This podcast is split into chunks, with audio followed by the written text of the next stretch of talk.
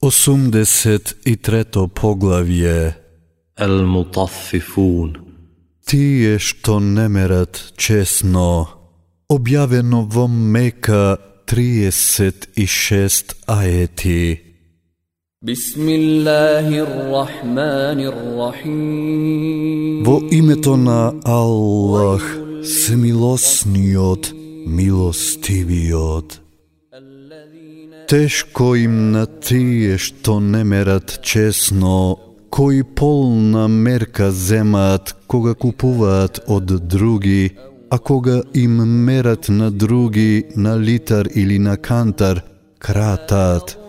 Како не помислуваат дека ќе бидат оживеани на денот голем, на денот кога луѓето поради Господарот на световите ќе се кренат. На вистина, книгата на грешниците е во Сиджин, а знаеш ли ти што е тоа Сиджин? Книга испишана. Тешко им тој ден на тие кои што негирале, кои што оној свет го негирале, а него може да го негира само престапник, грешник, кој кога нашите ајети му биле кажувани, говорел измислици на народите древни. А не е така, тоа што го правеле ги прекрило срцата нивни. На вистина, тој ден тие ќе бидат тргнати од милоста на својот Господар, потоа сигурно ќе влезат во огнот, па ќе им се рече, еве, ова е тоа што го негиравте. На вистина, книгата на добродетелите е во Илијун. А знаеш ли ти што е тоа Илијун?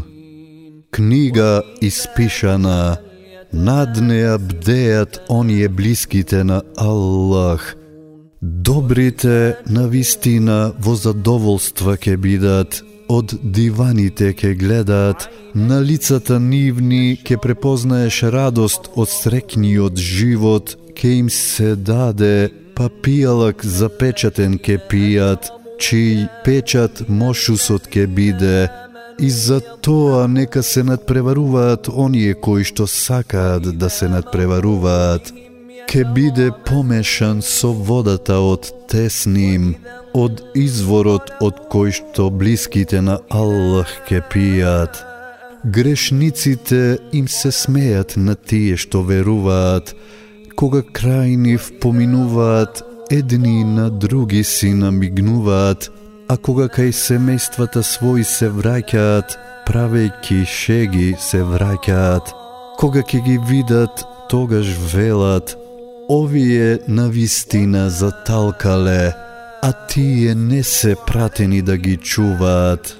Денес тие што верува на неверниците ке им се подсмеваат, од диваните ке гледаат.